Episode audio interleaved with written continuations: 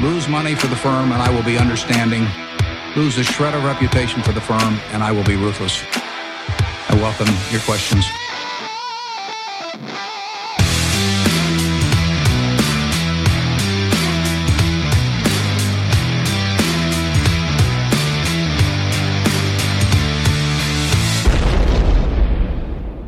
Välkomna till Kvalitetsaktiepodden. Det är jag som är Ola. Ja, och det är jag som är Klas. Eh, Det här är avsnitt nummer 42 som spelas in torsdagen den 16 maj. Eh, Istället för mina ointressanta väderbetraktelser tänkte vi inleda podden med lite hänt sen sist i våra liv. Ja, Eh, Och det här var ju din idé Ola. Så Ja. då får du börja. ja du, det har hänt mycket sista veckorna. Jag har lyckats beställa konsertbiljetter från en fake-sajt och jag har dessutom råkat få in en av mina bilar på, på verkstad här med ett än så länge oidentifierat fel då. Ja, Så att du har ju varit på jakt efter ny bil länge. Ja, nej, jag måste byta båda mina bilar. Det är dieselbilar, men eh, nej, jag, jag vet inte vad man ska ha här. Det är ju, finns ju en uppsjö här nu av valmöjligheter som man aldrig har stått inför förut. Det är ju el och hybrid och ja. Jag tänkte bara skjuta in, här gäller alltså inte buy and hold. Nej, nej, nej. Utan här måste man hitta på något nytt. Ja, nu. man måste byta någon gång för nu börjar mina bilar eh, kosta lite här va. Eh, Aj, aj, aj. Du vet, Ja. när den här, den här bäst före datumet börjar passera. Ja. Eh, jag är ju inget bilfreak sådär, men de ska ju funka. Så kan vi ju säga. Ja men den här sajten var ju skoj som du åkte på. De var ju jätteduktiga. Högst upp på Google sökningar och ja, ser visst. ut som Ticketmaster och Ja. sen Och sen så, ja, jag fick faktiskt mina biljetter men det blev lite dyrare än vad det skulle ha varit. ja, drabba ingen fattig. Så det, nej, det är tråkigt sånt här men hoppas vi att det blir trevligt på konserten. Du då Claes, eh, du låter lite krasslig. Nej, nej det, alltså Familjen har ju varit sjuk här. Jättedåliga allihopa så här i två veckor snart till Ja, och från. Då. Men jag, jag har ju klarat mig. som, som vanligt. Ja, ja. Nej, jag är ju jag är verkligen skitdålig idag. Men eh, är det podd Så är det. så är det podd. Så Ja. det blir du Ola som får hålla ihop den här läckande skutan. Ja, jag, jag ska försöka föra det framåt eh, lite mer än vad jag brukar. Det brukar vara du som håller ihop det. Ja, det, vi får se hur det här Ja, jag tycker det låter okej nu ändå Claes. Ja, faktiskt. Vi, vi får se här, lyssnarna kommer... Eh, lyssnarnas kommer dom. tittas, tittarstorm. Ja, Eller blir- lyssnarstorm menar jag. Den blir hård tror jag, men, Ja. men väldigt rättvis. Då. Ja. ja. Nej, men vad har du gjort? Har du gjort något roligt? Ja, ja, vi körde en eh, förra lördagen här var vi eh, och lagade mat med en thailändsk kock hemma hos några kompisar. Mhm. Sån här eh, kommer någon catering där kocken kommer ut då och tar med sig grejerna och så lagar man mat ihop. Trevligt. Ja, jättekul och särskilt hur jäkla smaksäkra de är. Mhm. Det är ju helt galet alltså vad små, små detaljer som avgör alltså.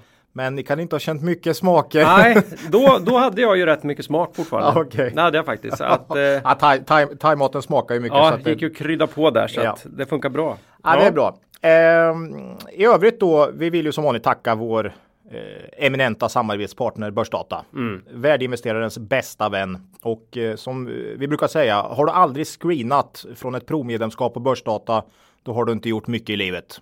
Nej. Och det står vi väl fast vid va? Det står vi fast vid ja. Ja. Eh, sen har vi ju, precis som förra veckan då, Mm. faktiskt med oss Hagabadet från Göteborg, eh, även den här veckan. Underbart. Eh, verkar ha varit lite succé med de här dagspa-entréerna här. Ja. Eh, så att vi rullar på här. Man kan fortsatt då gå två betala för en. ja, han förlängde här nu till eh, sista juni. Ja. Och, Nu kör vi på. Ja, så och mors dag väntar ju här runt hörnet och eh, vad skulle man då kunna göra om man befann sig i, i Göteborg med omnejd? Mamma brukar ju säga att hon hon är nöjd med skräpet du kommer hemdragandes med va? Lite Eh, blommor. Ja, chokladhjärtan och trisslotter. Mm, Nej, underbart. hon vill inte ha det där skräpet, det kan jag säga redan nu. Utan hon vill att du tar med henne på en dagspa på Hagabadet. Två betala för en.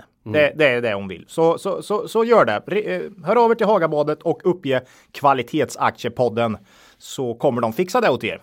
Men om man själv är mor då och har sådana här otacksamma slyngelbarn då kan man ta med en kompis? Ja, eller och sitt själv- barn då och på något Nej, sätt. nej, de har inte gjort sig förtjänta av det utan då tar man med en god vän helt enkelt och så går man dit. Kan Ja. man ju dela, dela på det där. Ja, Ja, Och eh, är du eller eh, din mamma då eh, intresserad av att alltid få lite kvalitet och guldkant i tillvaron eh, så kan man ju bli medlem. Mm. Och då finns det ju lite extra bra erbjudanden just för dig som lyssnar på Kvalitetsaktiepodden och kontakta då medlemsrådgivare på jag vill bli medlem hagabadet.se så ska de ta väl hand om dig. Jättekul! Ja, och det är ju så att eh, den här oerhört hemliga koden då för eh, två för erbjudandet är ju också kvalitetsaktiepodden. Ja, Jag undrar om det funkar med både 1 och 2D. Det har vi inte kollat upp. Nej, det, gör... Det ska ju vara 2D men Nej, hör av, de, de, de, stavar- fixar det. Det är, ju, det är ju oerhört kompetent personal ja, på nej, Hagabadet. de, de, de, de inser ju vad du vill och så levererar de det bara. Ja. Ja, så är det. Ja, eh, I övrigt då Claes, vad, ska, vad händer idag? det är ju rapporter som tur är. Mm. Så är det ju du som får ta det tunga lasset här då ändå. Och eh, sen har vi ett citat idag från börsens kanske bästa VD. Ja, i alla fall tycker ju vi det. Och då är det väl så då? Ja. Ja. Eh, Så innan vi går vidare med det i avsnittet vill vi påminna våra lyssnare om att aktieinvesteringar alltid innebär ett stort risktagande. Aktier kan både gå upp och ner i värde. Satsa därför aldrig kapital på aktier som du inte är beredd att förlora. Det vi säger i podden ska aldrig betraktas som köp eller säljrekommendationer. Gör alltid din egen analys av bolagen innan eventuell handel. Då hoppar vi igång. Lite aktuellt Ola. ja, det är inte mycket. Det är klart det har hänt mycket, men rapporterna är ju på något sätt det aktuella här. Så det, är, det är ju det som är eh, det aktuella. Men eh, vi får väl ändå följa upp eh, Swedols eh, aprilsiffror här också. Ja, de landade i förrgår, igår. Igår tror jag. Igår.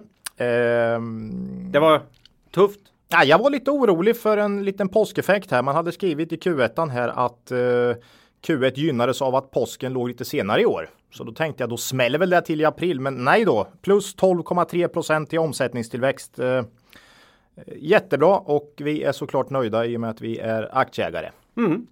Så De ångar på kan man säga. de ångar på. Aktien gick upp 5-6 procent initialt men föll sen tillbaks till noll faktiskt. Eh, mycket konstigt. Det kanske var någon som passade på och sälja av medan det fanns likviditet. Ja, vill väl ha in pengarna i Atlas Copco. De har väl lite till att växa. Ja, eller så Kanske. skulle man köpa eh, lite dagspanentré på Hagabadet. Ja, det är ju rimligare. Det är ju mycket rimligare. ja, ja, ja. Ja, eh, ja Nej, det jag- var det jag- vi hade. Ja, nu kör vi rapporter bara. Ja, då kommer bolagen idag. Aspire Global Ja, igen. Itab. Doro. En nykomling. Som jag då naturligtvis för en gångs skull Ja. har, har eh, spanat in. Ad ska- City Media. Ad City Media. Jag ska Ja. försöka Hjälpa stötta, till stötta lite. upp Men det. Mm. vi får se vad som händer där. Eh, sen så kör vi Bahnhof och Phoenix Outdoor. Avslutar med Nilörn-gruppen. På begäran. Ja, På begäran. Mhm.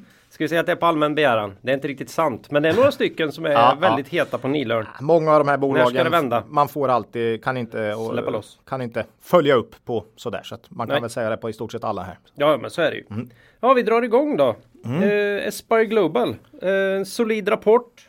Nådde upp till högt ställda förväntningar. Eller ska man bara säga att det här är en helt vanlig dag på jobbet för Sachi och hans Ja, ja, vi, anställda? ja, vi intervjuade det här bolaget. Det var ju vår första och hittills enda intervju i podden då. Så det är ju roligt att Det, man, det kan man lyssna på. Ja, ja, 20 februari körde vi intervjun Mm. ja, med Sachi. Just det, så Ja. det kan man lyssna på där. Och nej, det var ju kul att man eh, kom in med en riktigt fin rapport här faktiskt. Eh, Aspire Global är ju, eh, har ju en teknikplattform och eh, en helhetslösning för operatörer inom mm, iGaming. Eh, och Spel om pengar spel online. om pengar My- online. mycket kasino här. Precis, eh, och vi tyckte väl att Aspire faktiskt kommer den starkaste rapporten i hela sektorn. Vi har ju ganska bra koll på den här sektorn och följer den hyggligt noga, många av bolagen och Aspires rapport kom in med en tillväxt på eh, 81 procent omsättning. Mm. Eh, ebit upp 117 procent, råstarkt. Aktien öppnade, gick upp 16 procent, föll tillbaks ner till kanske 8 någonting. Mm. Stängde den väl dagen på och sen fortsatte den väl upp dagen efter tror jag. Ja, lite grann och sen lite ner igen. Och så. Ja, ja, nu var den lite nere då igen. Eh, och och eh, nej, vi tyckte väl den här var starkast i sektorn då. Evolution Gaming, eh, god tvåa där får man säga med en omsättningstillväxt på 54 procent och ebit plus 69. Och det finns faktiskt några likheter här mellan Aspire Global och Evolution Gaming. Eh, båda är ju då business to business som vi ofta gillar med intäkter utspridda på, på många olika kunder. Eh, man är tiltade mot kasino. Evolution Gaming är ju eh, bara kasino. Det är ju live kasino då, så att men, men eh, medans Aspire Global har ju lite sportsbetting också. Eh, både Aspire Global och Evolution Gaming har ju en bra spridning geografiskt, men faktiskt en ganska liten del av intäkterna i Sverige. Både Evolution och Aspire. Eh, vad gäller värdering är dock skillnaden i dagsläget enorm då. Eh, Aspire har ju P 10 och Evolution P 30. Mm. Eh, och ja, eh, Evo har ju en fantastisk marknadsposition såklart. Man har ju i stort sett monopol här på eh, live casino. Eh, NetEnt och några till försöker ju här då, men man är ju långt efter här känner jag så att det är väl där marknaden helt enkelt värdesätter så högt här. Ja, man har verkligen lyckats med den produkten kan man säga. Ja, eh, men båda bolagen har väl den här eh, regulatoriska risken vad gäller kasino. Man har ju samma kunder i mångt och mycket då. Så um, ja, Evolution upp 70% i år på 4,5 eh, månad. Aspire har väl i princip, i princip stått stilla då. Eh, och sektorn har egentligen gått väldigt svagt på börsen. Hela sektorn. Aspire, eller Evolution Gaming är ju den klart lysande stjärnan på, på, eh, på aktien då. Undantaget som bekräftar regeln. Ja, um, ja, börsen har väl varit skeptisk till de här regulatoriska förändringarna framförallt i Sverige då faktiskt och sänkt sektorn och många av operatörerna har ju haft det tufft i Q1. Um, ehm, Aspire Global är ju både business to business men även business to consumer då faktiskt. Uh, även om business to business går starkast för tillfället och står för 60% av omsättningen och 70% av vinsten nu ungefär. Men man har uh, även egna varumärken som, eh, som står för ungefär 30 procent av vinsten då. Man har gjort två, eh, liksom, två riktigt intressanta samarbeten har man offentliggjort här efter då Q1. Och, eller efter Q1, Q1s utgång då eh, faktiskt. Och det kommer in här under hösten eller kanske nästa år. Det handlar om framförallt ett eh, sportsbettingbolag då som man ska samarbeta med och få in på sin plattform. Digibet. Digibet ja. Och sen så är det ett samarbete vad gäller kasino också med några veteraner i branschen. Eh, Aspire eh, har ju en, verkar ha en plattform, teknikplattform nu som tar marknadsandelar. Man tar ju faktiskt kunder från andra eh, konkurrenter då. Mm. Eh, så att man verkar ligga bra till och man jobbar ganska hårt på det här tech-teamet i Kiev verkar det som också. Eh, så ja, man försöker nog skaffa sig ett försprång där helt enkelt. Känns det som. Man har en nettokassa.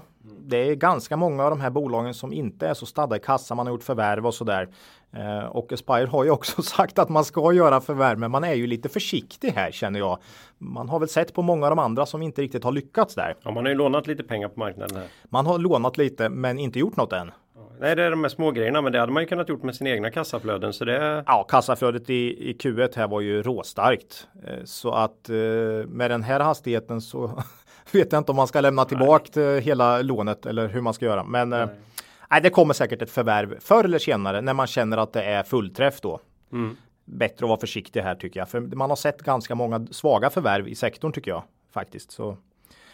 Ehm, framåt då här, ja förvärv då. Ehm, fin tillväxt kommer säkert fortsätta. Enligt de finansiella målen så är det ju ett par tre år nu med ganska bra tillväxt här ser det ut som med svagt sjunkande lönsamhet då mm. säger man ju och det är ju på grund av de här. Eh, man vill in på reglerade marknader. Ja, så det blir ju skatt. Man kommer betala skatt helt enkelt. Och, och en hel del regulatoriska kostnader. Mm. Det blir svårare och, och det ska det ju vara. Mm. Eh, det blir ju också en, en mer trygg och förutsägbar marknad då också. Så att eh, visst, lite svagt sjunkande lönsamhet, men mer stabilitet förhoppningsvis. Mm. Eh, man har fyra omräknat till svenska kronor är det 4,40 ungefär nu i redovisad vinst för de sista fyra kvartalen.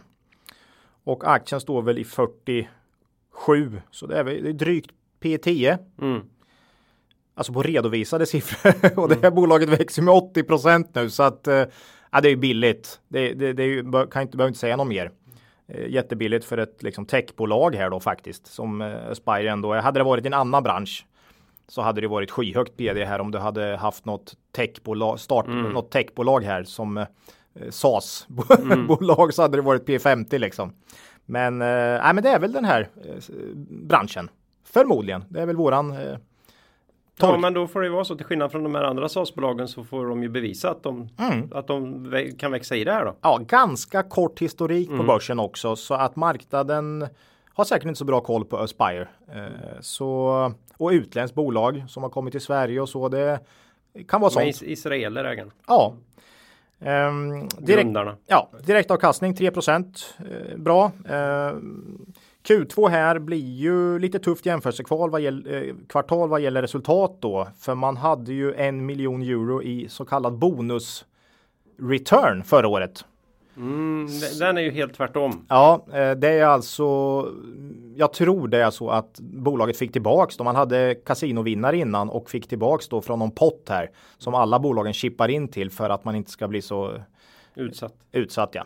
Så, så eh, man har tufft jämförelsetal i eh, kvartal i Q2 här, men man, jag hoppas marknaden har koll på den här eh, bonusutbetalningen man fick då eh, förra året. Eh, för det gör ju att det blir lite svårare.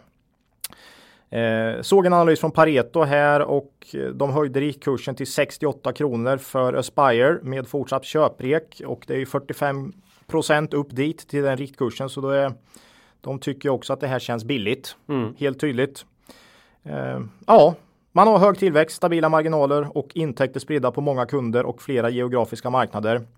Det kombinerat med en väldigt låg värdering gör att Aspire fortsatt är eh, vårat favoritcase i sektorn har mm. jag skrivit och vi äger som vi sa senast. Vi pratade om Aspire aktier i bolaget. Mm. Eh, ja, för transparensens skull ska vi väl säga det att dels har de deras verksamhet i Sverige är liten. Jätteliten. Jätteliten. Och sen fick de ju faktiskt en dotterbolag till de här fick ju en bot här nu. Mm. En av de en av få mm. eh, som eh, misslyckades med den här integreringen. Integration, mm. integrering, integrationen mot spelpaus. Just det. Och eh, tycker vi väl att man har. Det var svagt. Det mm. erkänner man villigt. Det var mm. ingenting man hade velat se. Och man tar det rakt av mm. och böjer på nacken och ber om ursäkt och säger det här ska inte hända igen. Nej. Vi kan inte begära mer. Man stängde ner till 15 januari tror jag och sen upptäckte man igen att något inte stod rätt till och sen mm. var det väl upprensat någon gång i början på februari då. Ja. Ja det var synd men mm. det viktiga är väl att man De kostnaderna... faktiskt mm. erkänner när man har misslyckats ja. och ber om ursäkt och betalar och går vidare. Mm. mm. Eh, de kostnaderna togs också i Q1 här. Ja. Så det är inget som ligger framåt då. Nej. Det är avstädat klart då. Ja, det var 3 miljoner SEK så det var ju inga. Nej, för Aspire är ju inte det jättemycket ändå. Nej, och det var ju ingen. Det var ju ingen jättegrej som hade gått fel heller så att ja. säga. Så. Nej, men vi, ja. vi har svårt att undvika att köpa. Det, det, är nästan som man funderar på om något är fel uh, i bol när det är så billigt och uh, lite som man känner med Swedol där. Är det något som är är det något som är galet? Mm. Det, det, blir ju nästan så när man känner att... Eh, Nord, det kommer ett bud från Nordstjärnan när som helst Ola. Så att ja. då, då nej, du... nej, men Svedol, nu har det Swedol ändå gått upp va. Men eh, när det låg i 32 där, då tänkte man nu är det, det är något jag har missat. Eh, det är något man inte vet. Vi får se. Eh, men vi tycker det är alldeles ah, på tok för billigt. Aspire ja. Global. Mm. Så får vi se om de kan fortsätta den här, den här resan. resan då. Mm. Kom ja. ihåg tufft jämförelsekvartal Q2. Mm. mm. Det var Aspire Global. Ja. Eh, hoppar vi vidare då eh, till eh, anledningen till namnet på dagens podd här. Ja. ITAB. Ja. Det här eh, specialisten inom butiksinredningar då. Där låga förväntningar, en iskall bransch kan man väl säga, hade, har ju liksom matchats av väldigt svaga prestationer från bolaget sista året egentligen. Mm. Eh, de har liksom på något sätt levt upp till de här förväntningarna om att nu är det butiksdöd och mm. nu, nu är det katastrof här. Mm. Och sen ja, fram till nu. Vad är det som har hänt Ola? Vad ja. är det som händer här? Ja, Itab gör ju väldigt mycket inredningar, belysning och så till butiker eh, runt om i Europa. Och eh, ja, man börjar Q1 här då. Q1 det stod väl så tror jag också att Q1 är det klart bästa första kvartal ITAB någonsin har levererat. Och då Och- var väl Q4 typ ett av de sämsta? Ja, det var ju minus, fast det var mycket engångs i och för sig då. Men ändå. Eh, nej, vinst per aktie. Mm. Vinst per aktie plus 100% i Q1 här då. Mm. Eh, vilket ju känns orimligt bra Mm. faktiskt. Med tanke på att bolaget var i fritt fall i höstas här. Det var ju, alltså, man pratade om det som att med den här skuldsättningen så är det inte säkert att bolaget klarar sig. Omsättningen sjönk, vinsten halverades och utdelningen slopades. Ehm, I februari blev det ju dessutom klart här att eh, vd Ulf Rostedt lämnade bolaget. Han har varit det jättelänge. Ja, ja, ja. Eh, och då kände man ju att det här kan inte bli någon direkt snabb vändning här. Nu får han sparken här. Nu, ska de, nu ska de börja reboota här. Ja, men tydligen. De skrev att han gick på egen begäran, men det vet. Det där är så svårt. Ibland säger man det bara tycker jag, Eh, men det inte riktigt är så. Men det verkar vara så, för han stannar ju kvar Ja, två månader. Så att han gick. Han sa säkert jag har gjort mitt här nu. Eh, och nej, men man kände väl att det var inget tecken på att det skulle vända så där på någon månad va direkt. Utan att det här tar nog ett tag. Eh, men som sagt från fritt fall till bästa kvartalet någonsin. Oerhört märkligt. Jag har aldrig sett en eh, turnaround eh, som går som, som, som liksom av den digniteten på ett kvartal. Nej, det, det är det unikt. ska ju inte riktigt gå. Nej, nej. Man förklarade bättre resultatet med försäljningsökningen och liksom effektivt resursutnyttjande. Det är inte något så här. Det är inget så här konstigt va här, utan inte vi vann på Bingolotto? nej, eller? nej, nej, nej. Eh, Och det här effektiviseringsprogrammet då som man eh, lanserade förra året på grund av att bolaget just var i fritt fall. Det har liksom Det inte har, börjat nej, bita än. Nej, det har inte börjat Nej. bita än så att eh, då kan man ju tänka vad som händer eh, senare i år här. När det börjar få effekt samtidigt som, som omsättningen börjar ta fart. För omsättningen var faktiskt plus 8% i Q1 då. Eh, Så ja, Q1 har historiskt varit det sämsta kvartalet. Eh, Och, men om vi ändå säger bara vi tar Q1 gånger 4 här, leker med tanken. Även fast det brukar vara det sämsta då. För jag tyckte det var väldigt bra då. Så tar vi Q1 gånger 4, ja då är det ju P8 kanske eller något sånt. På Itab. På Itab. Ja, för den gick, måste ju ha gått upp på det här. Ja, ja, ja, alltså den gick ju över 100% före rapport. Ja, just det. Mm. Det är ju inte kul. Nej, konstigt. Eh, det är som att någon åtminstone har vetat att det här skulle ske liksom. Eh, Men gick över 100% då före rapport. Och sen så stod den väl nästan still på den Har det här. mycket insynsköp eller något sånt där? Ja, jo, det var det ju i vintras. En del insynsköp. Men ehm, bland annat vd då. Ulf Rostedt tror jag köpte som nu inte är kvar. Ehm, ja, P8. Mm.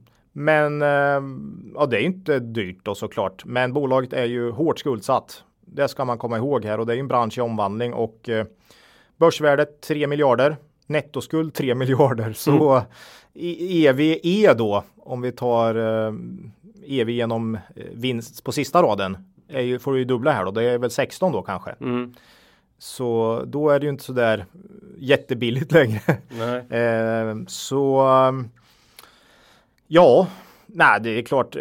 Det, man måste säga det är mest imponerande vändning och snabba jag någonsin sett. Det, det, är- det får man väl ändå. Ja, vi får ju se om det håller i sig nu då. Ja, jag hoppas ett kvartal är ju inget kvartal kanske, men Det ska fortfarande inte gå att göra så här. nej, det ska fortfarande gå. Så att vi får se. Kommer tu- Q2 in här bra eller bättre än det här, då, då är det ju magiskt här alltså. Eh, och Gör den det, ja då kommer säkert aktien fortsätta upp för eh, trenden är ju så stark och du kan tänka dig jämförelsetalen i höst Då får vi nästan göra en uppföljning av det legendariska teknik i butik. Avsnitt, avsnittet här. avsnitt 5 ja. Ja. Eh, ja, ja, det var för övrigt eh, senast de var med, Itab. ja, ja, Eh, ja, Avsnitt 5 från 29 november. ja, ja. 17! Ni- ja, 2017 ja. Ja. Mm, mm. Ja, vi, ja, det är klart man blir lite sugen på att köpa när det liksom, men det är ett kvartal här och skuldsättningen gör ju allt. Vi är ju lite skygga för eh, sådär eh, sk- hårt skuldsatta bolag. Så vi, vi, har ju, vi passar här faktiskt, även fast bolaget verkar kanske få igenom en av de tidernas mest spektakulära turnarounder. Mm. Mm. I, I, Grattis får man väl säga. I sådana här bolag som bara vi bryr oss om. Ja. Men ingen, Nej, ingen annan. Ja. Eh, nej, bra jobbat får vi säga. ja. Mm. Härligt Itab. Småland. Ja. Det är, det är så en slipsten ska dras. Ja, Bra. Vi hade ju en hel hög med bolag här så vi ångar på. Ja, då. ja, ja. Eh, Doro sa att eh, Ja, vi flaggar ju för Doro lite här på Twitter idag. Ja, se om någon märkte. Det kom ju ett svar där också. Ola la ju ut en gammal eh, TV-shop Doro-reklam. Mm. Och någon svarade ju med eh, parodin på den reklamen från Galenskaparna då. Ja, Ja, en koppling till Göteborg igen där. ja, ja. ja. Eh, ja, se det bara. Det är, det är briljant. Så är det. Både, både reklamen och eh, parodin. Sök upp eh, kvalitetsaktiepodden på Twitter så ser du klippen där. Mm. De här eh, var ju tidigare återförsäljare av telefonsvarare via TV-shop då uppenbarligen. Men numera gör de enkla, smarta mobiler. Och uppkopplade säkerhetslösningar för äldre främst. Ja, ja, ja. Absolut. Ja, och där fick vdn gå på dagen i veckan. Ja, ja det är hårt här. Det är, det är mycket, mycket vd-byten. Ja, Trots högkonjunktur här. Eh, om, man, om man tar historien lite här då för, för, för de som inte har så bra koll på Doro så har man ju gått då från eh, telefonsvarare, så kallade DECT-telefoner, trådlösa eh, telefoner i hemmet. Eh, det var liksom i, före mobileran egentligen va. Eh, och man har gått därifrån då till eh, mobiltelefoner och tjänster för seniorer. jag tror det finns en del sådana däck där ute. Folk har här IP-telefoni en del har kvar. Ja, Så man har ett fast nummer och så har man en sån här. Så det finns väl, men Doro har väl inte varit på den marknaden på. Många av våra lyssnare kanske inte ens eh, var med, alltså eh, har, vi har ha- haft en sån här sladdtelefon som man hade hemma. Eh, Då kan man se på reklamen här. Ja, det kan man göra. Nej, då, Doro var tidigare på de här mm, trådlösa där då. Eh, men det var ju egentligen förra vdn då, Jerome Arnaud. Han var alltså före den vdn som fick gå här nu va. Som stöpte om bolaget. Det var ju i princip uträknat Doro. Du kan förstå när mobiltelefoner och allt kom och man satt med däckt och eh, Telefonsvarare. Ja, va, va, hur tror du den? Hur tror du det gick? Ja, det är facit. Mm, det var inte kul för Doro. Inte roligt. Men Jerome då eh, sa att vi ska satsa på 10% av vår omsättning. 90% av vår omsättning släpper vi. Och eh, 10% var då lite så här eh, satsning på care och eh, seniorer. Mm. Och den eh, omsvängningen var, låg han bakom faktiskt. Imponerande Doros resa. Eh, och ehm, Att, att se det och våga. våga satsa på den lilla biten. eh, För att säga att vi är, den andra biten kommer inte hålla.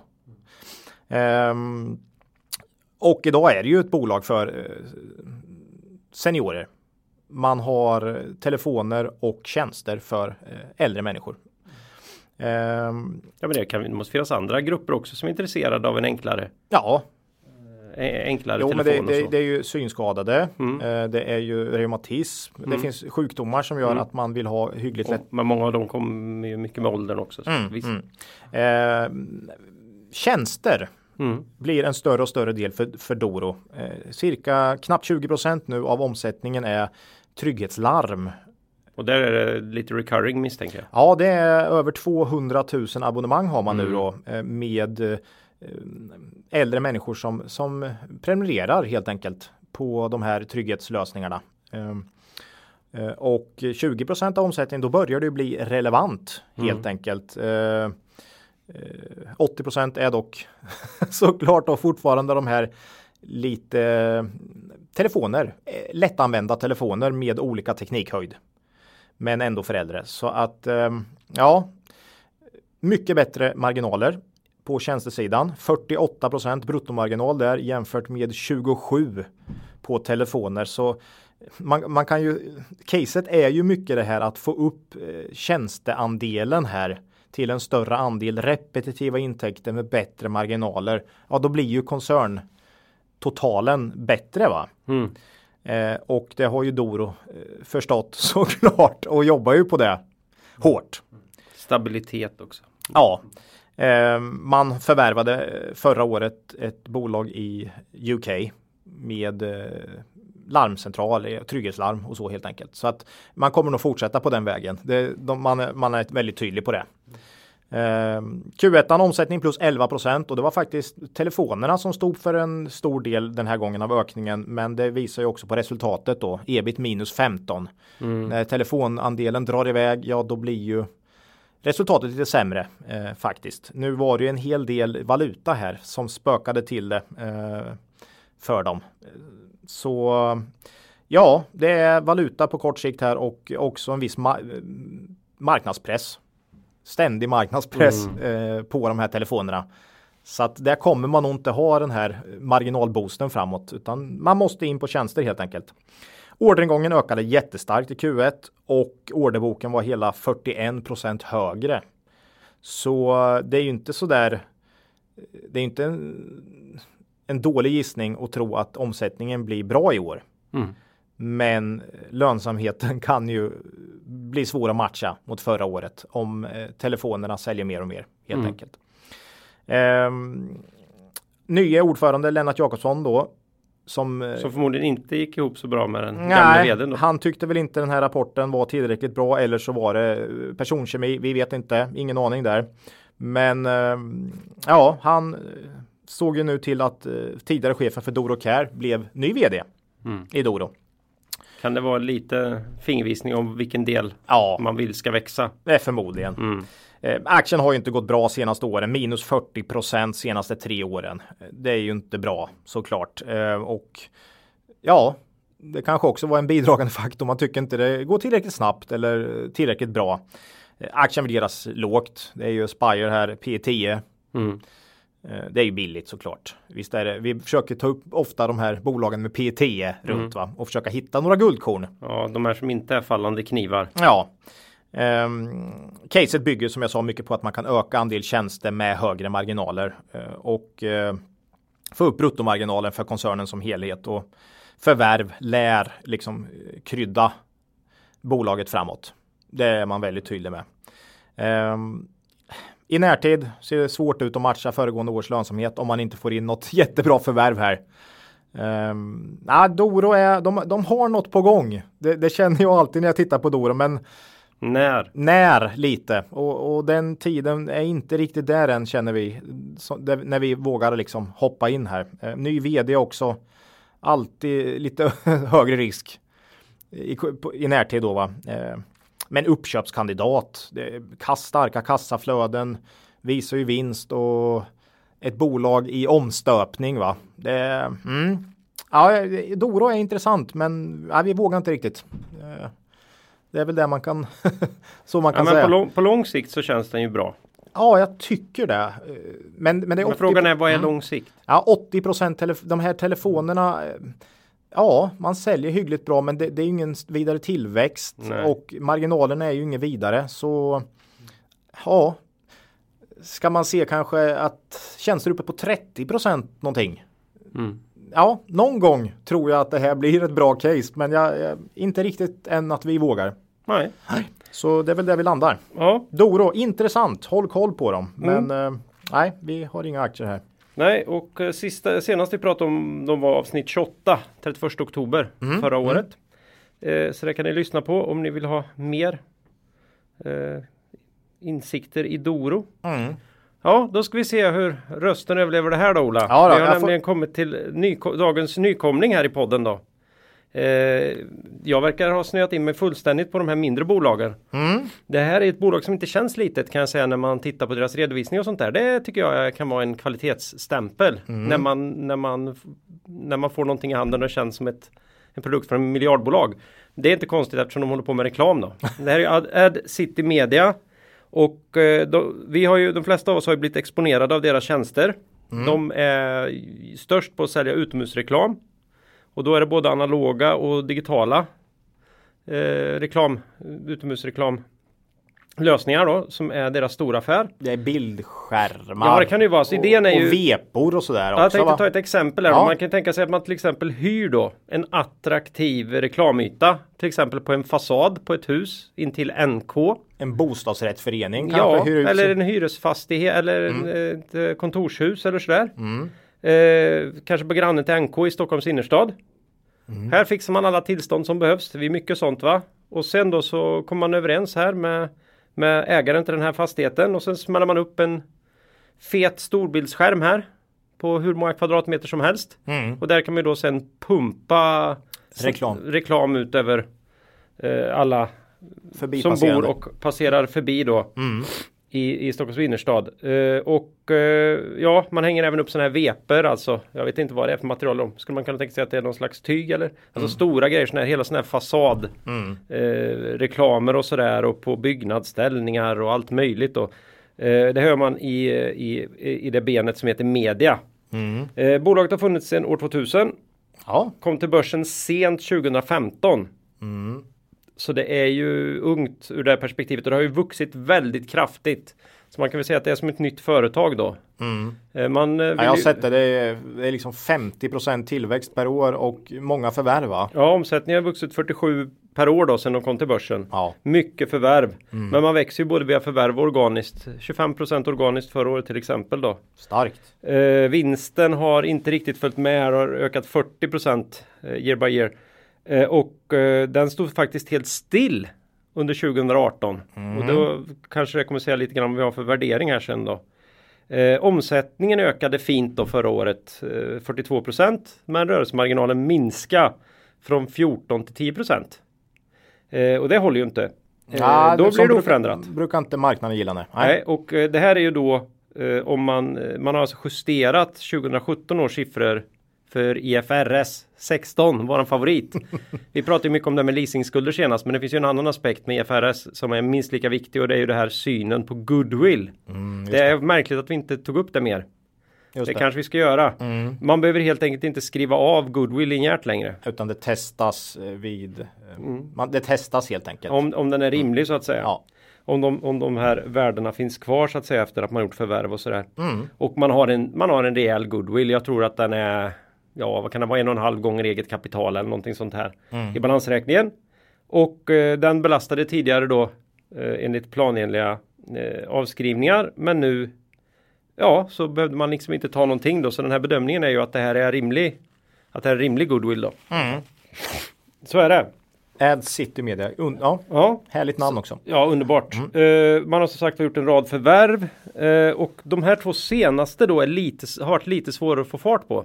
Eh, gjorde man då under, under 18 här. Och det ena är ett mjukvarubolag. Eh, jag ska ärligt säga att jag inte läst in mig jättemycket på det där. Det är ingen jätteaffär.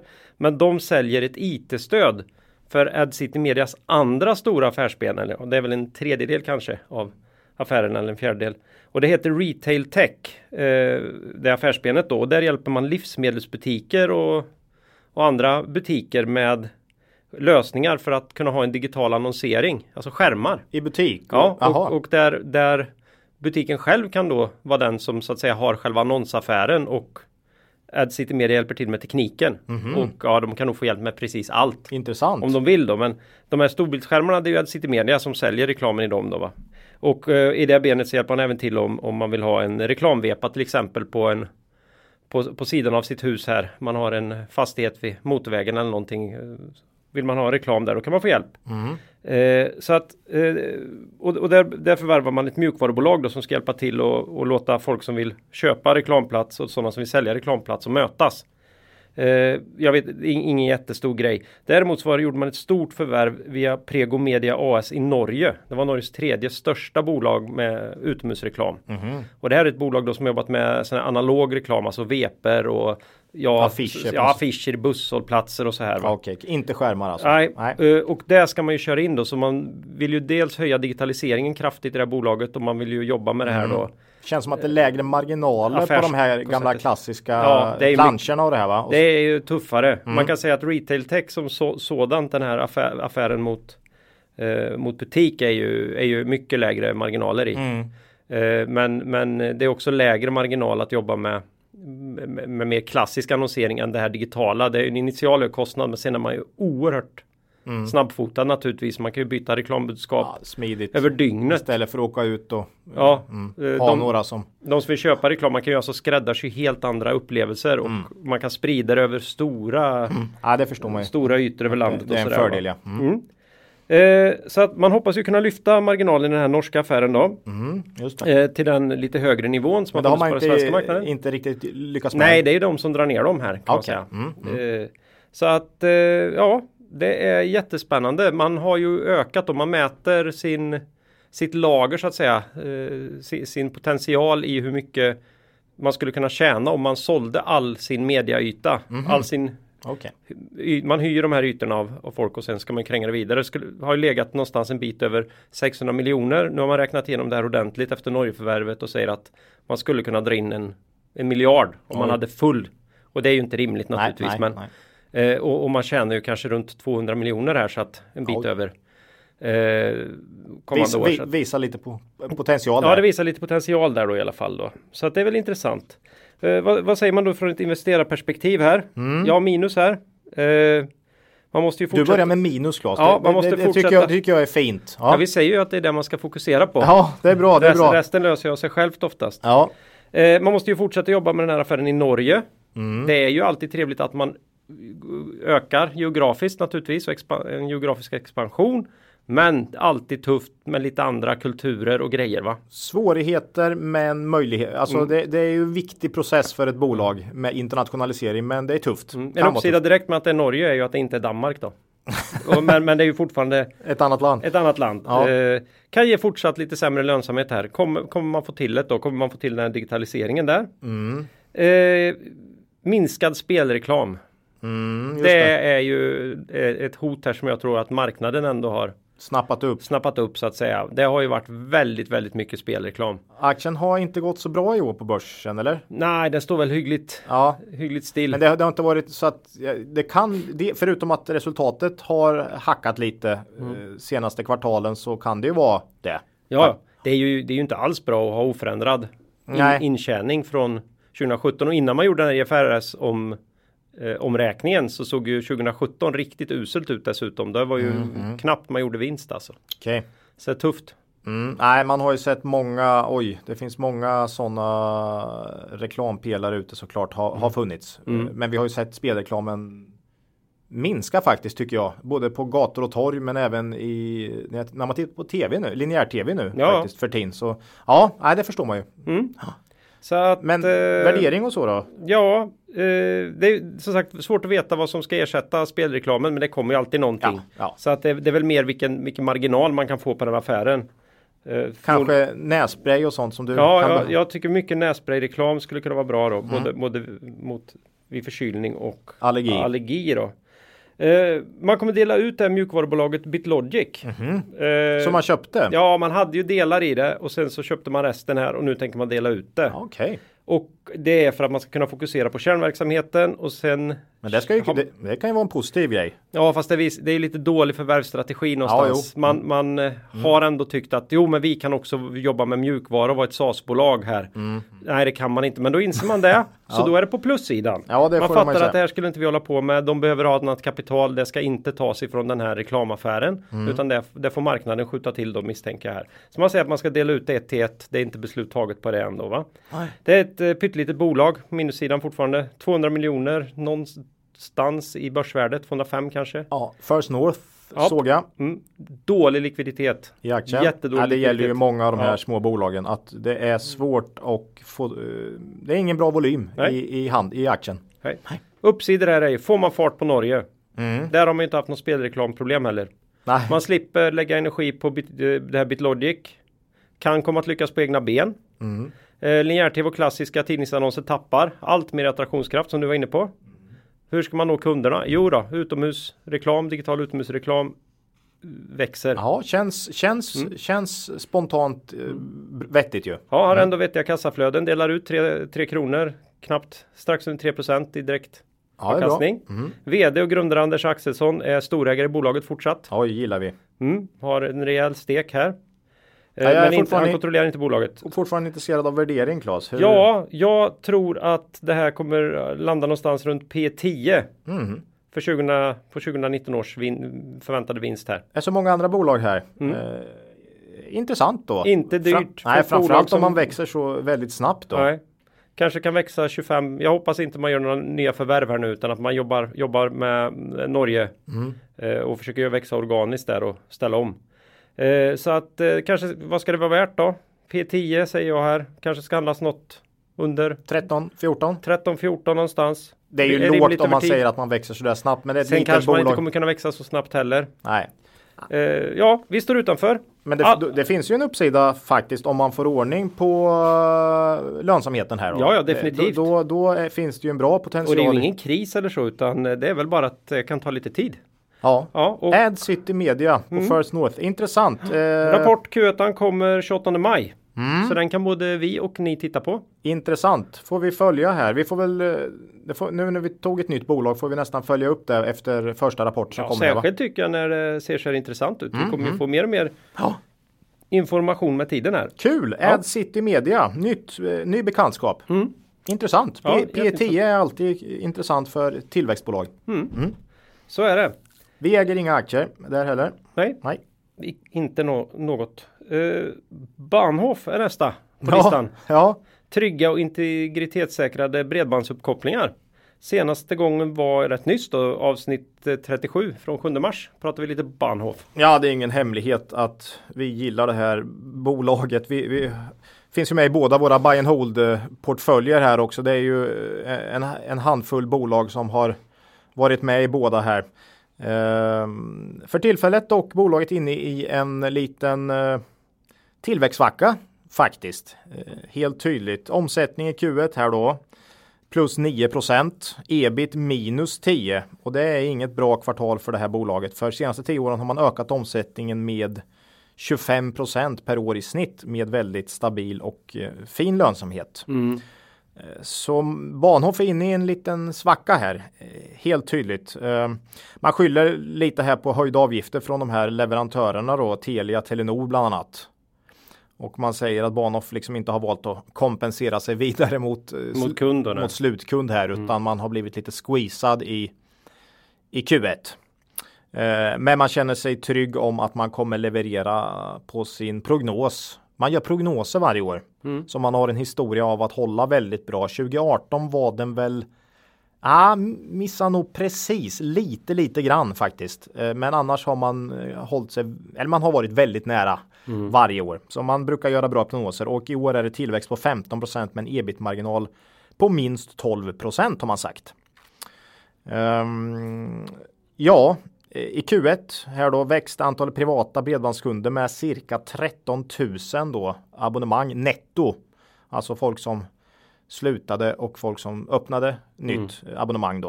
Jag tror inte man tappar så mycket faktiskt. Jag tror man tar från de här lite större drakarna då. Eh, Man har en marknadsandel på 7% i Sverige ungefär på de här fasta bredbandsabonnemangen och eh, man bör kunna växa ytterligare. De här stora bo största bolagen är Telia, Telenor och Comhem. Det är ju de man tar faktiskt kunder ifrån då. Man är en uppstickare helt enkelt. Man har inte mycket utanför Sverige. Och eh, visst, har man 7% av marknaden här så kan man säkert växa. Men man är väldigt tydlig då på att man vill ut. Eh, och ska man ha 25% tillväxt så behöver man nog snart röra sig utåt. Eh, man har, jag så, såg vision. Eh, Bahnhof ska vara en internationell moln och internetaktör. Har man satt då och eh, Du får Proact hålla sig i hatten här. Ja, eh, inom några år ska Bahnhof vara en av de stora nordeuropeiska aktörerna. Det är... Ja, då har man självförtroende. Mm. Då tycker jag det låter billigt idag då. Ja, ja, jo, det är billigt om, om eh, man blir en av- Ja, precis. Ehm, man har siktet inställt på en global marknad för kommunikation och molntjänster, helt enkelt. Ehm, ja, lyckas man här så är det ju, finns det ju väldigt mycket tillväxt då såklart kvar i Bahnhof. Eh, men i dagsläget får vi väl hålla oss i den här prognosen man har gjort för 2019 då. Eh, vision är ju vision eh, ofta va. Ehm, ja, med den här 15% tillväxt och 12% ebit-marginal då. Prognosen helt enkelt så landar PE på 20 ungefär för 2019 och EV ebit då 14 15 för man har en rejäl nettokassa på knappt 300 miljoner här. Ehm, oerhört välskött bolag. Så ja, P20 låter ju inte så billigt, men samtidigt 25% i årlig tillväxt över tid. Visst, man är inne i en svacka nu, men kan man hålla det här och växa, då växer man ju snabbt i det där. Och framförallt EV ebit 14 eh, är inte alls lika dyrt då. Nej, det är snarare det jag behöver höra för Ja. P20 är alltid. Ja, ehm, nej men ja, med tanke på historiken här och stabiliteten i man tappar ju sällan man bara bygger på va. Uh, och de här möjligheterna man har framåt med att växa så tycker vi Bahnhof fortsatt är intressant. Det, det är ett sånt här buy and hold bolag tycker vi. Mm. Uh, att uh, köpa och äga och varför inte köpa när bolaget har lite fnurr på, på tråden. Mm. Ja, de är ju en bransch där många av de stora tar sina kunder lite för givna. Ja, lite så. Så att eh, jag vet inte alla som, ja, är, kom hem, väl... alla som är kom hem kunder vet nog lite grann. Ja, du har väl om. bytt från kom hem här precis va? Mm. Det, det, det, man har, man, man, tillför något där helt mm. tydligt. Eh, jag har Bahnhof själv faktiskt hemma och eh, liksom eh, väldigt nöjd och har bytt från en av de stora. Så ja, Nej, vi gillar Bahnhof. Mm. Eh, kan vara ett bra läge att fiska upp eh, aktien här i år då. Om eh, man tror på vd Karlungs framtidsvision här. Mm, men jag tror man ska vara långsiktig då. Definitivt, ja, ja, ja, definitivt. Det ska man ju alltid vara. Jo, men, men eh, ännu mer kanske. Ännu mer. Mm. Så är det. Det var Bahnhof, en uppdatering här efter Q1. Får vi se om de håller sin prognos för året. Då kan det nog bli lite roligare fart på aktien eh, andra halvåret kanske. Ja, mm. Då går vi över till eh, klädindustrin här. Mm. Ja, lite blandat men mycket, mycket. Ett klädsvep då. Lite klädsvep. ja. ja. Är det kläder verkligen? Det är bara konken alltihop. Vi pratar först här Phoenix Outdoor. Ja. Det här vet ju alla vad det är numera om man lyssnar på Kvallepodden. Det är ju Fjällräven och Naturkompaniet och Partioaita. Eh, bland annat eh, pratar vi om i avsnitt 35 7 februari senast. Mm. Och eh, du är lite sådär nu. Ja, Phoenix Outdoor det är ju, ja alla vet det. är ju vårt kvallebolag. Ja, eh, AdCity Media då eh, och andra bolag här. Det är ju kanske inte många som visste vad de gjorde innan. Mm. Men Phoenix Outdoor och uh, Fjällräven, uh, Konken-ryggsäcken, det ju, har ju inte undgått många. Nej. Nej. Um, Q1 här då visade på en omsättningstillväxt på måttliga 3 procent. Ebit minus 11. Så um, ja, man har en hel del ursäkter här då. Det är väder och vind och leveransproblem och produktionsfel. Mm. Eh, men det börjar bli lite, lite mycket ursäkter här nu från nya vd Alexander Koska eh, tycker jag. Det är många rapporter i rad här nu man har Nå någon gång så Är det inte det ena Nej. så är det det andra. Och eh, om vi tar Svedol här igen då så förra året hade man ju en hel del problem faktiskt under året men ett bra bolag i bra driv absorberar det på något sätt va. Och verksamheten klarar det. Mm. Det är inte så roligt när man behöver skylla på saker hela tiden tycker jag. Eh, nu tycker jag att det är dags för Fenix att igen börja visa vart skåpet ska stå helt enkelt. Mm. För historiken i Fenix talar ju sitt tydliga språk här. Eh, man ska inte underskatta det här bolaget. Fantastiskt historisk tillväxt. Eh, USA är väl det som går bäst för tillfället. Mm. Och framförallt då konken. Den här ryggsäcken man ser överallt. Som även fanns på 70-talet. Och 80. 80 och 90. 90. Och, mm. ja, det är en sån här evergreen. Mm. Vi har väl funderat lite du och jag på om det här är någon liten eh, modefluga då och det, det kan det ju vara va? Ja den här gången tror jag nästan att de har gått över gränsen för att någonstans kommer folk tycka att det där är så 2018 alltså. Ja, är det dåligt för bolaget? Nej, det kan inte vara dåligt att sälja mycket prylar, men samtidigt, det finns ju en nedsida då. Mm. Eh, om nu det här blir normalt igen. Det vill säga att du vill ha fjällräven saker för ja, slitstarka byxor och vad det nu är va. Mm. Och en ryggsäck för att fjällvandra med istället för att, att ha en modepryl va. Mm. Eh, aktien värderas till P16. Mm, ja, det är ju lägre än vad aktien har värderats till senaste 57 åren. Eh, liksom senaste ja, 5-8 åren någonting. Då har man ju varit uppe på 18-20 P. Mm. Eh, men bolaget presterar ju sämre nu också. Så det kanske är så att marknaden är lite orolig att det inte blir lika bra framåt. Eh, på plussidan råstark balansräkning. Man ska återköpa här nu massiva 700 000 aktier har man sagt. Och det kommer ju såklart sätta någon botten på aktien nästan. Mm. Ehm, man har ett urstarkt varumärke globalt, fjällräven liksom. Förvärv har man gjort lite då och då historiskt, kan mycket väl komma. Ehm, minussidan är väl det här med Konkens eventuell hype här då för tillfället. Och eh, ja, det är tvåeggat. Man tjänar mycket pengar på det nu. Och pengar in är ju bra. Ehm, ja, tror man Fenix kommer tillbaks till gammal god form här så är det ju ett bra läge att kliva in. Eh, Men vi avvaktar här nu en tydlig signal om förbättring i resultaträkningen. Det räcker inte med att snacka nu utan nu vill vi se siffror. Nej, man skulle gärna se att de fick ta något, något kliv till så de blir riktigt cementerade på large cap också. Mm, de är precis, de ligger ju bland, de, de har ju, ligger precis på gränsen där. Men är på large cap faktiskt de i, i Sverige. Ja. Mm. Så ja, nej, Phoenix Auto, vi avvaktar där tills vi ser någon, nej, att det börjar ta fart igen. Att eh, man slutar med eh, ursäkterna här.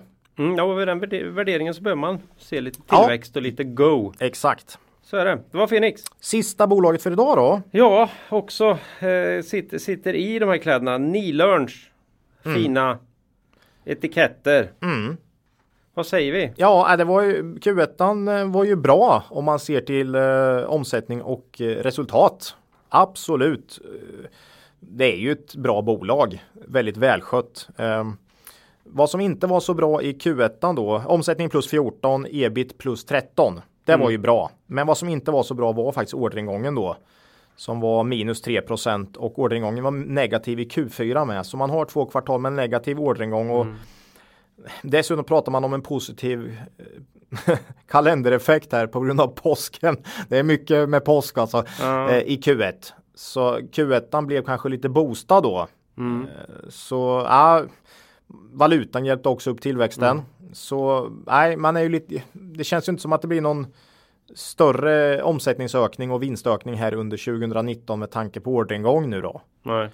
Ehm, men um, Nilörn är ett extremt välskött bolag. Eh, man plumpar sällan. eh, även om marknaden liksom för närvarande är ganska kärv då. Mm. Hela retail. Ja, man har det tufft och förväntar sig att underleverantörerna ska hjälpa till. Precis. Och det är väl rimligt? Ja, Nilörn har över tusen kunder och eh, väldigt bra spridning på dem. Så eh, man har liksom ingen kund som står för mer än 10% tar ner ju risken i verksamheten här. Man har en jättefin stabilitet vad det gäller rörelsemarginal. Jag tror Nilörn kommer tuffa på, men eh, i närtid ser det inte ut att bli någon större omsättningsboom. Eh, Aktien gått svagt senaste 12 månaderna minus 17 procent. P nere på 12 nu ganska lågt faktiskt för ett så mm, fint bolag. Bra balansräkning, direktavkastningen nu över 5 Uh, fin avkastning på eget kapital. Eh, Man, man pratar lite om förvärv. eh, har man gjort lite historiskt. Det skulle kunna få fart på aktien kanske. Eh, bud är inte otänkt på bolaget. Traction, eh, huvudägarna verkar vilja sälja. Man har sålt lite pö om pö. Eh, Så det är ju en tänkbar uppköpskandidat om jag sa det på Doro också. Eh, Ja, nej, Nilörn kan vara ett bra läge att plocka upp den här aktien nu till en lång portfölj någon gång under året här eh, när man har det lite tuffare. Så för till en buy and hold portfölj tror vi att Nilörn kan vara bra kanske att fiska upp här och fin direktavkastning som sagt. Mm. Det får väl stanna där helt enkelt, men lite tuffare just nu. Ja. Ja. Eh, Jag kan garantera att vi återkommer ja, till eh, Nilörn Mm. igen i den här podden. vi Det- äger inga aktier där heller. Nej, Och inte i Bahnhof heller. Nej. nej. Det var väldigt. Mm. Ja, det är tufft nu. Det är tufft ja. Det är lite tomt. Nej, men vi har lite tomt på väggen. P10 här, men du ska ju vara P10 till ett eh, med eh, där man känner att det är lite bra driv va? Mm. Eh, Det, det är så man känner. Man vill ju inte köpa P10 om det bolaget har mycket problem va? Så att eh, Ja. ja, Det står och stampar. Det kan bli, göra ont om börsen tar ett, en Mm. vändning neråt skarpare än Mm. vad det har gjort nu. mm. Eh, nej, så är det. ja, Eh, det var bolagen. ja, exakt. Då ökar vi då för vi är ju uppe över den här Timmen. klassiska timmen igen. Mm. Eh, lyssnarfråga då? Vi har ingen.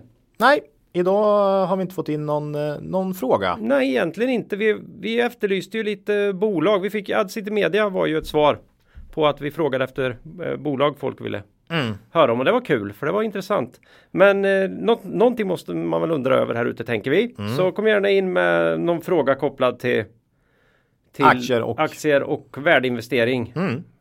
Eller vad som helst. Ja, det kan vara vad som helst. Ja, det blir lite som han tjurfäktaren i Ferdinand där. Hoppa, hoppa på oss bara. Stånga oss. Stånga oss. ja.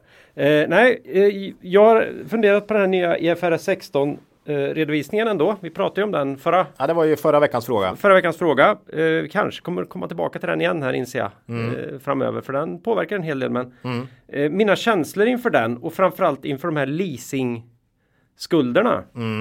Och, och det är på riktigt att det här har verkligen påmint mig om en historia från min uppväxt i Västergötland.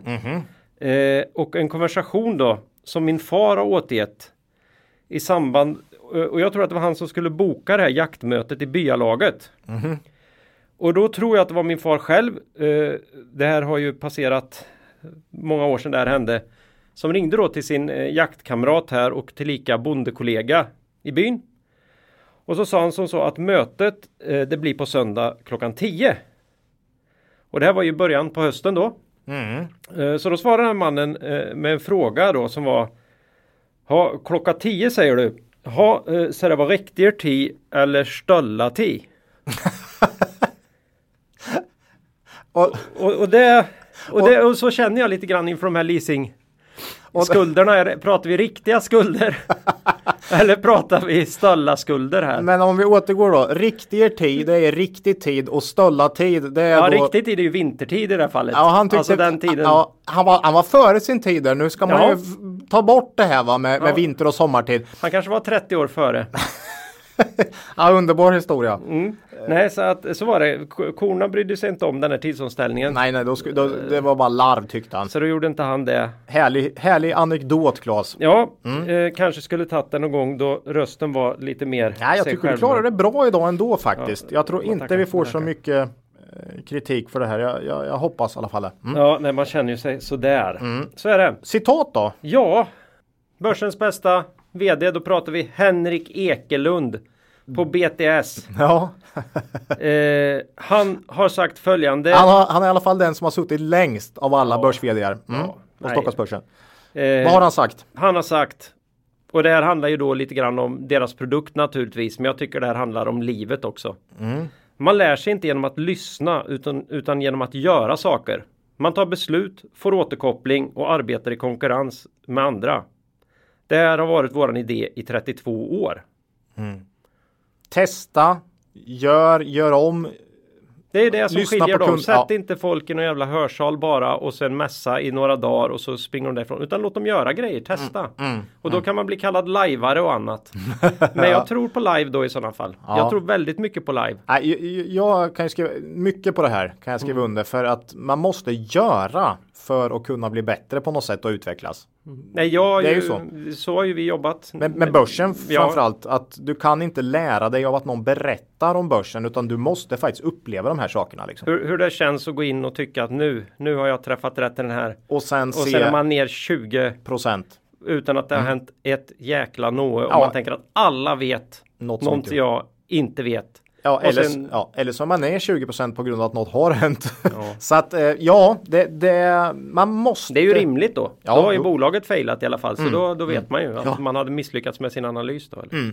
Mycket bra sagt Henrik Eklund. Bra. Vi missar årsstämman här i, i år eh, faktiskt. Ja, vi är ju inte ägare Ägare. längre här. Nej, nej. Tyvärr. Så, så ja, så är det. Men eh, lika... Fin, lika Q, fin Q1 viktigt här i veckan för, för ja, övrigt. Mm. Jo, det är ju Som vanligt. som vanligt.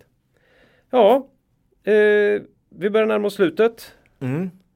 Eh, vad man kan förvänta sig nästa avsnitt. Lite mindre snörvel kanske. Jag hoppas du är frisk. Eh, det får vi se. Eh, man kan mejla oss på kontaktet kvalitetsaktiepodden.se. Eh, gärna någon rolig fråga då. Eh, man kan kommentera på Twitter. Och sen finns ju en möjlighet också på vår hemsida då, kvalitetsaktiepodden.se. Eh, ja, har vi något riktigt makro värt att ta upp idag Ola? Nej, har vi inte. Nej, inte, inte jag heller. Måste vila rösten. Mm. Eh, bolag då? Ja, vi, av de vi har pratat om idag så är det ju eh, Aspire- Global och så pratar vi lite Swedol inledningsvis. Det är de två vi, vi äger. Mm. Av de vi har pratat om idag. Mm, det var ovanligt klent, men så är det.